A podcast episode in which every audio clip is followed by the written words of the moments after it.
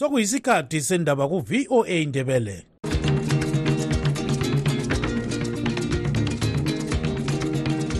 amatshono zihlobo siyalamukela kuhlelo lwethu lwezindaba eziphathelane lezimbabwe kustudio 7 eya voice of america sisakaza sisewashington dc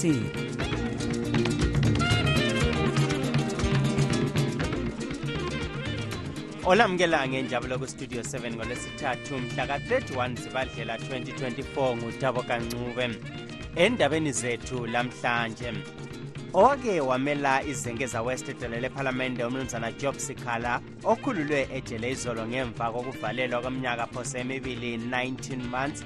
Uthi okwamanje usacabanga ukuthi alubhekise ngaphi kwezombusazwe inhlanganiso ye-united nations population fund ibika ukuba untombazana oyedwa phakathi kwabalithumi ezimbabwe uyazithwala engahlelanga kumbe ngemva kokudlwengulwa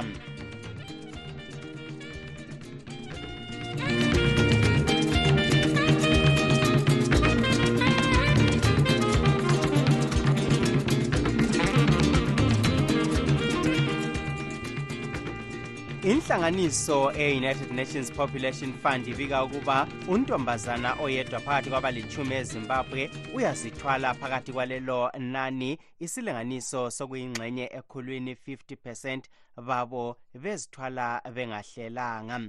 Kuthi ingxenye yalabo abayabe bengahlelanga begcine bekhipha lezo zisu okufaka impilo zabo engozini. Ulusi yasini usethulela lolu daba ngokugcweleyo. Lokhu kuphume embuthanweni wokwethulwa kogwalo lophenyo olwenziwa ngabenhlanganiso eye-united nations population fund owenzelwe e-rainbow towers hotel lamhla lolu phenyo luqhutshwe phakathi kuka-2019 kusiyafika u-2022 phezu kodubo lokuzithwala kwamantombazane esesemancane olwe-national assessment on adolescent pregnancies in zimbabwe lukhokhelwa ngabe-unfpa uhulumende kanye lezinye inhlanganiso ezizimeleyo. Ummeli we-unfpa yezimbabwe unkosazana miranda tabifor nguye owethule ugwalo lwalolu phenyo emele ummeli wenhlangothi zonke zomanyano wamazwe omhlaba. Yikho nje sibuthene njengenhlanganiso phezu kwalolu daba ukuthi sibonisane ngokuvezwe yile inhlolisiso. Esinye isiphathamandla sogatsha lwezemfundo ehlangothini lwabadinga usizo oluphindiweyo unkosikazi khwadzanayi nyanungo ulandisa ngalolu dubo lokumithiswa kwamantombazane esesemancane njalo engahlelanga. Into eqakathekileyo yikuthi abantwana besabancane bafunde okuningi ukuthi nxa sebezintombi lamajaha bebevele sebekwazi ukuthi bazigcina kanjani baziphatha kanjani bacebela kubani nxa amalungelo abo esengozini. Umnumzana godwill zulu ngosakhulayo osebenza lenhlanganiso ye-young people's network on sexual reproductive health hiv and aids. Laye upha umbono wakhe ngokumele kwenziwe ukwehlisa inani lamantombazana amithiswa esesemancane. Laba bantu abatsha abalalwazi ngemizimba yabo sikhangela kakhulu inzima ecansini ukuthi umntwana omutsha uyafika iminyaka eyi-18 years engakwazi ukuthi kuyini okwenzakala emzimbeni wakhe. Okhokhela idale lesenate edale lephalamende yabantwana child senate president ugamutshirayi muzondiwa uthi kuqakathekile ukuthi amantombazana afundiswe indlela zokuzivikela. Kuqakathekile ukuthi senqabele ingozi ingakenzakali kulokuthi sikhale kwelakusasa. Linhlolisiso iveze njalo ngokuqakatheka kokusebenza labafana labobaba ekulwiseni udubo lokumithiswa kwamantombazane esesemancane. Obona ngokuqhutshwa kwenhlelo enhlanganisweni yepadare enkundleni mans forum umnumzana zipho ngezipho ndebele uyakugcizelela lokho. Njengesizwe kumele sisukume sibone ukuthi abantwana bayathola i-information ecorrect njalo econsistent ivela emzalini. Inkinga ukuthi abazali sebechiya kwesinye isikhathi unalo mthwalo bethi bazabona esikolo ama-ngos azabuye ezofundisa abantwana. Umzali kabe lo mthwalo. Yokubana avikele umntanakhe kuzo zonke zona lezi izingozi. Indlela yokumvikela ukuthi umnike i-information ekwanileyo ukuthi akwanise ukuzivikela. Lolu phenyo luveze njalo ukuthi isilinganiso sokungamachumi amathathu lanye ekhulwini 31 percent samantombazana okwakhulunywa labo abike ukuba amithiswa ngokudlwengulwa. Luveze njalo ukuba eyinye imbangela enkulu yokumithiswa kwentsha yikuba besemulini eziswelayo ukusilela kolwazi ukwanda kokusetshenziswa kwabomakhalekhukhwini kanye lokuswela usekelo lwezemali. Uhulumende esebenzisa ugatsha olubona ngendaba zabesifazana uthembise ukulusukumela phezulu udaba lokumithiswa kwamantombazana kodwa ingcwethi zezempilakahle akusoze kwaphumelela kangako njengoba umnotho welizwe untengantenga. Ngimele istudio 7 ngiseharare ngingulusi yasini.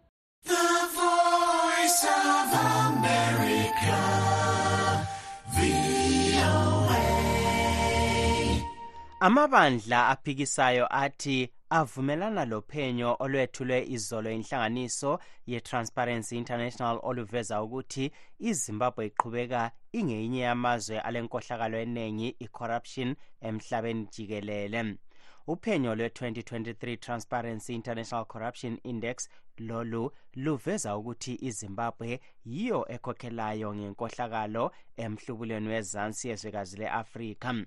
Izimbabwe ithole imiklomelo engamachumi amabili lane 24 points kuphela phakathi kwemiklomela elikhulu okutsho ukuthi ngempela imisebenzi yenkohlakalo ibhahile kuleli lizwe. Nyakenye umsakazo we-al jazeera wethule ifilimu eveza sobala imisebenzi yenkohlakalo enziwa ngezinye iziphathamandla zikahulumende ekwebiweni kwegolide lezimbabwe lisiyathengiswa kwamanye amazwe.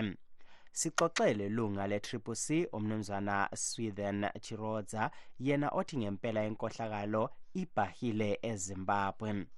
Izimbabwe ikhokhela ngendaba ze-corruption ngenxa yombusazwe owezanu p f. Ungakhangela indaba eyama-tax asehlatshwe abantu bezimbabwe ama-tax asehlabile asebhahile lapha ezimbabwe. Bananzelela ukuthi kuyabe kuyimizamo eyokuthi abantu bezanu p f bethole zona izimali. Ngakhangela indaba zabonasa lapho wathola ukuthi umuntu owayevele enguye ophatha ngezemnasa watshontsha izimali ezesabisayo khona ngale umuntu lo uthe engena kumthethwandaba wathi amadokotela athi no umuntu lo kutsho ukuthi kwesinye isikhathi kungani kulo msangano ekhanda lapha? Umuntu lo bamyekela kwaye kuthiwa kalacala. Namhlanje umuntu lo usekhona edali lephalamende kanti nxa umuntu kuthiwa ikhanda lakhe alisebenzi uzakhokhela njani abantu ephalamende? Uzamela njani abantu ephalamende? So zananzelela ukuthi izimbabwe ihlutshwa yizanu p f ngoba izanu p f yeletha umkhuba wonalo. Lithi lina uhulumende kazimiselanga ukuqeda inkohlakalo elizweni kodwa sizwe umtshutshisi omkhulu kahulumende izolo ethembisa ukuthi bazimisele ukubopha zonke izikhohlakali ngitsho labezombusazwe. Eh kanti uthe bakhangelele ukuthola imali engange 1 billion US dollars lonyaka abazayithathela abantu abakhohlakeleyo ungananzelela izithembiso ezibekwe nguye umnankagwa bekuyizithembiso ezokuthabisa abantu. Ufake ikomiti khangela ngendaba ze-corruption ikomiti eyokubopha abantu abayizigange ababe yenza leyo corruption. Yona leyo komiti sokusazakala ukuthi yehluleka umsebenzi. Umnumzana swithen chirodza lilunga le-triple c sixoxe njalo lelunga lezanu-p f umnumzana malaki nkomo yena othi uhulumende wenza konke okusemandleni akhe ukulwisana le nkohlakalo ilizwe lezimbabwe le-constitution yezimbabwe iyatsho ukuthi into yazo lezo esikhuluma ngazo um singathi ngeze-corruption zivele azifunakali. Njalo lebandla le-zanup f likubeka sobala ukuthi izinto ezinjana izinto ezingavumakaliyo yikho linanzelela ukuthi lo mongameli welizwe wakhetha ukuthi kube likhomishini ekhangela khonokho okuyizinto ongani kulokuthi abantu baphatha izinto ngendlela engayisiyo so mina angeke ngivumelana nabantu abathi izimbabwe ile-corruption engabe inkulu kakhulu kumbe kakhona ebonakalayo okuthi uhulumende uyayivumela abantu bangabe bekwenza bechajile bengangani but uhulumende kube into angeke ayivuma kumbe ahambelana nayo ngoba vele uhulumende into ngayo sibona abantu abaningi bebotshwa kodwa ababotshwayo laba nkomo abanye bayasola bathi hayi ngabantukazana nje. Abantu abancane bathi zona ingqungquthela zenkohlakalo zikuhulumende njalo kazibanjwa. Yebo sesike sabona kubotshwa abezombusazwe lapha lalaphaya kodwa abanye bathi hayi eh labo ngabantu nje abayabe bephoxane lomnankakwa njalo kaningi bayabotshwa nje uzwe kuthiwa icala seliphelile. Abantu abanjalo ababuyethandi babe lobufakazi ngoba isikhathi esiningi kanti ukuthi umuntu lowo ucorrupt umuntu lowo utshontshile umuntu lowo wenze lokho akabotshwe. Kodwa kuyikuthi kuyinzondo okunye kwangikhona kuyindlela ukuthi abanye abantu babe beyindlela ukuthi babe bahamba nje uhulumende okhona. Ngokubona kwakho nkomo ungathi uhulumende wenza konke afanele ukuthi akwenze yini? Kumbe kukhona lapho kusilelayo ongaxwayisa khona ukuthi akubambe? Ngibona amapholisa labanye abaqondane indaba eziqondane lokuthi kutholakala i-corruption zihambela phezulu ukuthi zibambe abantu abaphambanisa umthetho. Umnumzana malaki nkomo lilunga lezanu pf ubexoxa ecingweni lontungameli nkomo owestudio 7 esefelabusi ekhuluma emkhosini wokwethula uphenyo lwe-transparency international eharare izolo. Umtshutshisi omkhulu kahulumende ujustice matanda moyo uthe uhulumende wenza konke akwenelisayo ukulwisana le nkohlakalo njalo ukhuthaze uzulu wezimbabwe ukuthi abambane ekulisaneni lemisebenzi yokungethembeki.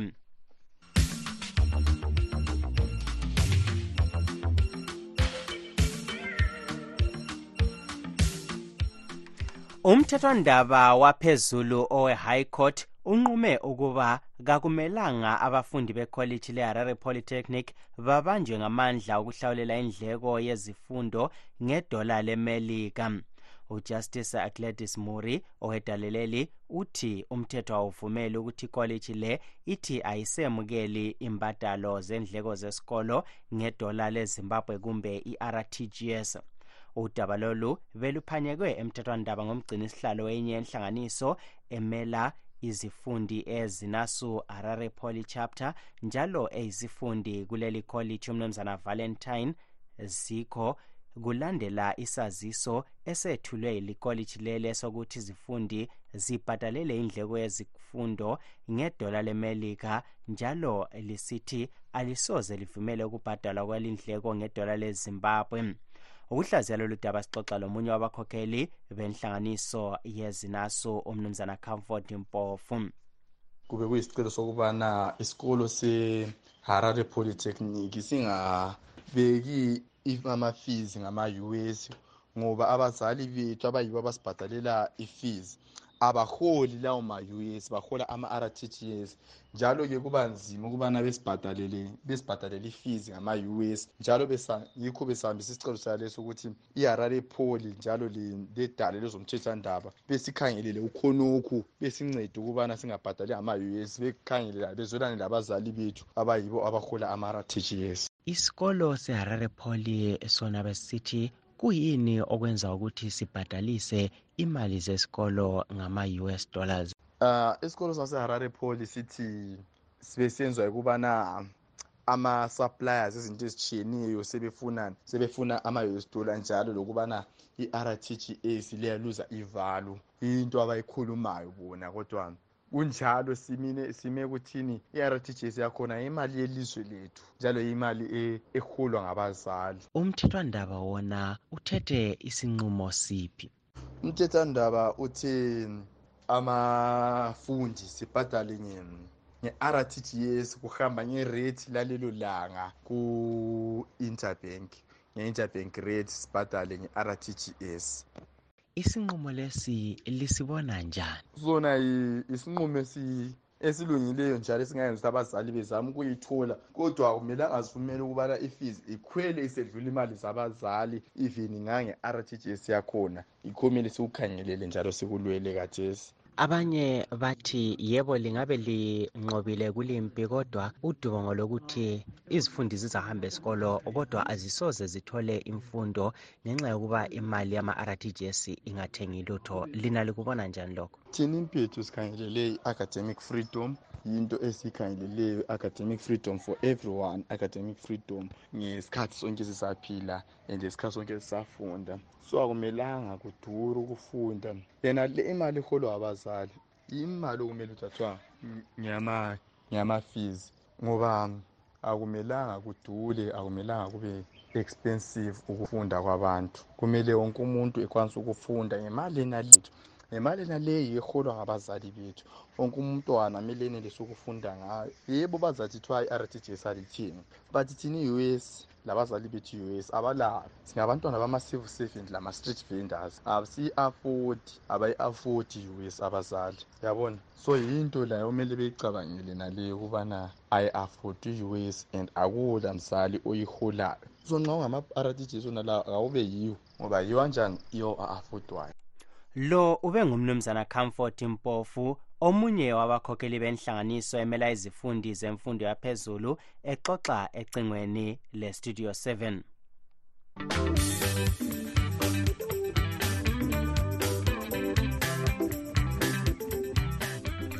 owake wamela izengeza west edale lephalamende umnumzana job sikhala okhululwe ejele izolo ngemva kokuvalelwa okweminyaka phose emibili one year seven months. Uthi okwamanje usacabanga ukuthi alubhekise ngaphi kwezombusazwe ngoba kulabaningi abafisa ukusebenza laye bezama ukuphumelela ngokuhlala kwakhe ejele. Uthi bakhona abantu ayecabangela ukuthi bazazama ukuncedisa ukuba akhululwe kodwa abathula zwi kubika umlondolozi ndlovu. Ekhuluma lentatheli izindaba esemzini wakhe eSt Mary's eChitungwiza namuhla. Usikhala uthe uyajabula ngokuphuma kwakhe entolongweni. Ubonge kakhulu abantu bonke kanye lentatheli izindaba ezibikele umhlaba jikelele ngokuvalelwa kwakhe nguhulumende kamongameli Emerson Mnangagwa. This does not deserve hum- human, human survival. Fortunately, myself, I had both my family and the, the masses of our people who were looking after me. Otherwise, they did that. I'm I was unfortunate, like all other enemies. The food that they accept and the condition that they live in. uthi usahlolisisa okwenzakala kwezombusazwe okwamanje engakavuseleli esithi kukhanya engani kulokuxokozela okumangalisayo elizweni They have been the missing link in the Zimbabwe's political trajectory. The way how they have changed the political landscape of this country, the moment when they came on board, is still shocking and astonishing. You have to understand that I am an individual who was abandoned and neglected by anyone whom I thought would come to my assistance, only for them to emerge, to become the, to become the rescue package for me. uthi uzaqhubekela phambili elisana lokuncindezelwa kwabantu nguhulumende kamnankagwa labanye bakhe usikhala owathi evalelwe engumgcini sihlalo webandla le-citizens coalition for change ccc elalikhokhelwa ngumnumzana nelson chamisa uphinde wakhuluma njalo ngemibiko ethi usexoxisana labakucele le-ccc elikhanya ukuba manje liphethwe ngumnumzana sengezo jabangu ozithi ngunobhala jikelele we-ccc I don't know him all my life long. What I only later heard from other colleagues is that he joined MDCT in uh, 2005 after the split uh, in the MDC uh, party at that material time and became the MDCT provincial chairman for Matabele North. kodwa uchabangu uphika ukuba uthume igqwetha ukuba likhulume losikhala lani libonile eh uvice president behamba besiyambona amalunga e-triple c behamba besiyambona amagqwetha eh baningi ngeke ngabaqamba ngamabizo. So bebehamba besiyabona eh inkokheli yabo eh and eh, lalamhlanje uyinkokheli ye-triple c. Uphume entolongweni engu-vice chairperson simhlonipha ngayona leyo ndlela. Kulabanye abathi ulakho ukusebenza lecele elisekela uchamisa kube lengxenye yebandla le-ccc efisa ukudlelana laye omunye wabakubandla le-ccc umnumzana fortune mlalazi uthi usikhala kumele acabange kahle engakangeni kwezombusazwe. Kunzima ukuthi sipredict ukuthi ujob scala uyakuya kuliphi icele njengobana i-opposition fragmented. ujob scala ulelungelo lokubana a-associate iloba ngubani afuna uku-associata laye whether nguchamisa kumbe nguchabangu kumbe ngu-emerson kumbe ngubani lobani okhona ilungelo lingelakhe usikhala obegwetshiwe ukuba ahlale entolongweni okweminyaka emibili ebekwe eceleni okweminyaka emihlanu ngumantshi eharare uthi kuningi okumele akwenze okugoqela udaba lwesidumbu sikamoblessing ali esesigcinwe isikhathi eside endlini yamakhaza eshitungwiza hospital kwakubandla le-zanup f bathi wenze kahle umthethwandaba ngoba ngowabantu bonke hatshi abaphikisayo kuphela. Hayi indaba yokuthi i-zanup f iya-interfiya enkantolo hayi. Asondaba ebambekayo kodwa hhayi into nje esegcekeni ukuthi amabandla la aphikisayo ikakhulu i-triple c. Ekwehlulekeni kwabo konke bayadinga abantu bokungcolisa. Namhlanje bayajabula ukuthi ujob scala uphumile entilongweni. Awukusela muntu okhuluma ngezanup f ingcitshi wezombusazwe njalo elilunga le-job scala solidarity movement umnumzana comfort nceke wenkosi mpofu uthi bayamsekela usikhala njalo bazalandela isinqumo azasithatha kwezombusazwe. Silapha sizohlala sisazolila amanye ama-political prisoners abotshiweyo asimi. And from namuhla i-job scala solidarity movement iyatshintsha from ukuba ngu-job scala solidarity movement isiba yizimbabwe solidarity movement. Usikhala uchothoze kakhulu isimo esisemajele sithi ukudla kukhona indawo zokudlela lendawo zokulala ziyadanisa uqhubeke esithi okusobala ukuba uzulu wezimbabwe uthwele amagabha avuzayo ngenxa yesimo esibi somnotho welizwe. Usikhala waqala ezombusazwe ngesikhathi esafunda e-university of zimbabwe. Usebotshwe kanenginengi esethiswa amacala atshiyeneyo ikakhulu awokulela ilungelo likazulu lenkululeko kwelezimbabwe. Ngimele istudio 7 ngiseharare ngimlondolozi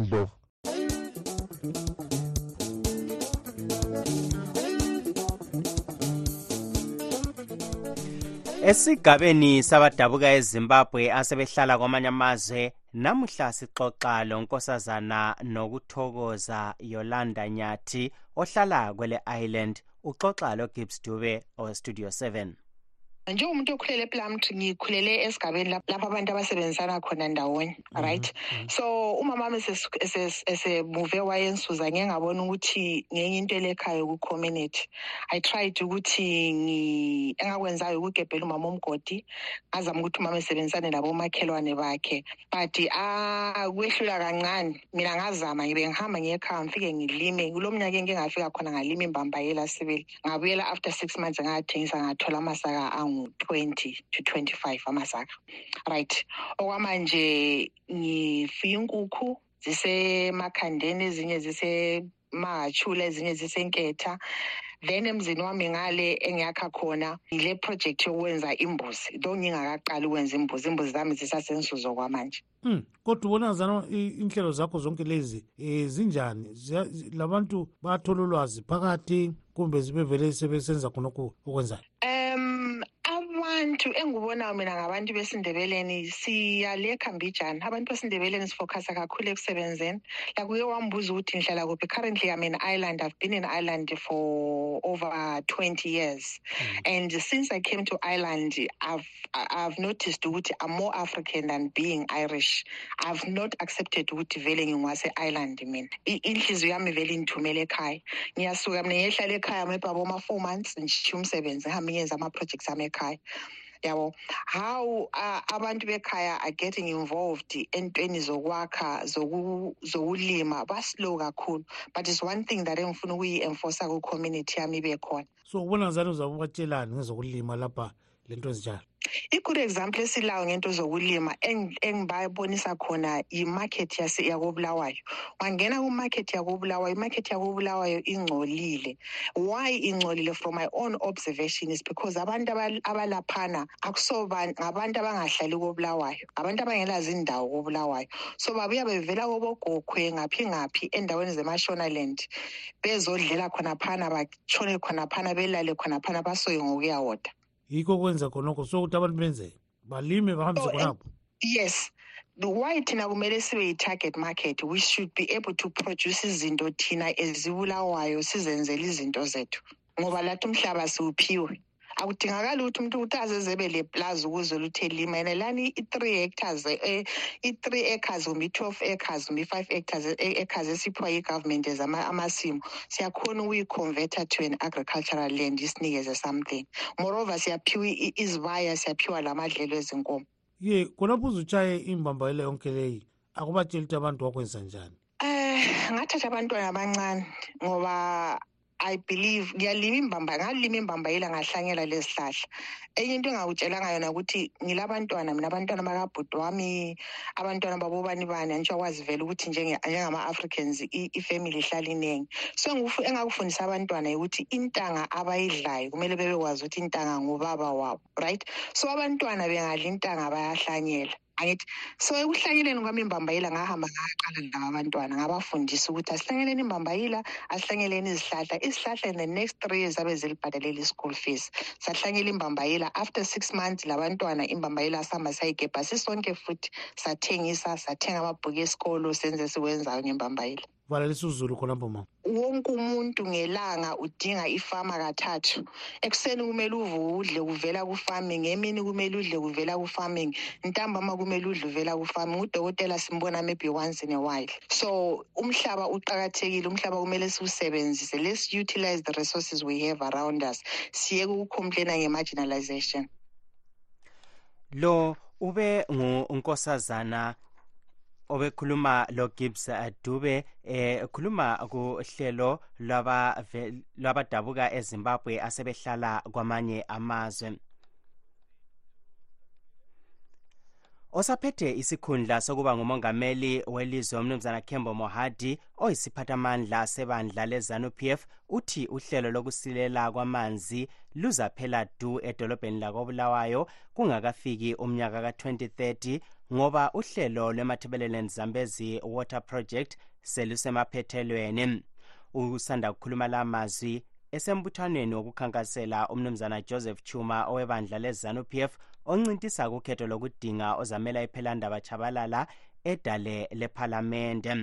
Kodwa umsekeli kasolodolobho wakobulawayo umnumzana edwin ndlovu uthi ithemba labo likuhlelo lokwakhiwa kwedamu leyinsiza. Uxoxa losithandekile mhlanga owestudio 7 ngomnyaka ophelileyo singamakhansela kobulawayo sahamba sayafika egwayishangani sabona. Kodwa-ke sithi thina njengedolobho lakobulawayo eh i-long term ngesilungu i-long term.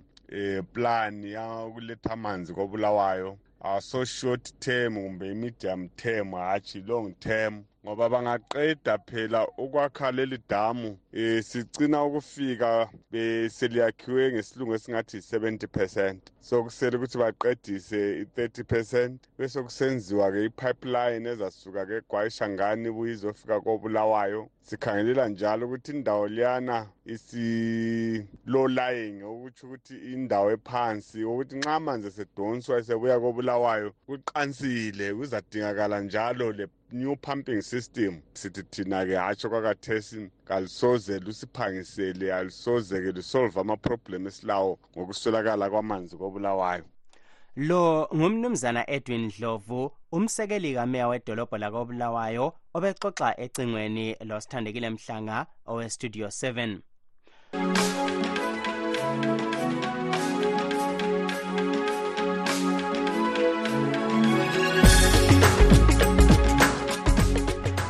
lingakhohlwa uhlelo olulandelayo olwe-live talk kuhlelo diaspora forum lapho esizwa imbono yezizalwane zezimbabwe esezihlala kwamanye amazwe ngokukhululwa kukamnumzana job scala kanye lengxabangxoza ekubandla le-triple sim singakehlukani zihlobo othi sikhangele ezinye zendaba ebezikhokhela owakwamela izengeza west idala lephalamende umnumzana job scala uthi yena okwamanje usacabanga ukuthi alubhekise ngaphi kwezombusazwe silugqiba-ke lapha uhlelo lwehla namhlanje olivalelisayo ngutabo kancube lisale.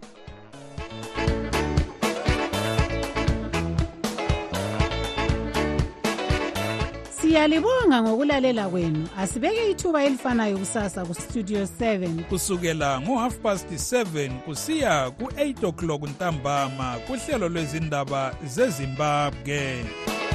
Tinotenda nekuteerera chirongwa chedu. Teererai zvakare mangwana kubva na7 p m kusvika na730 p m. Apo tinokupai nhau muririmi rweshona.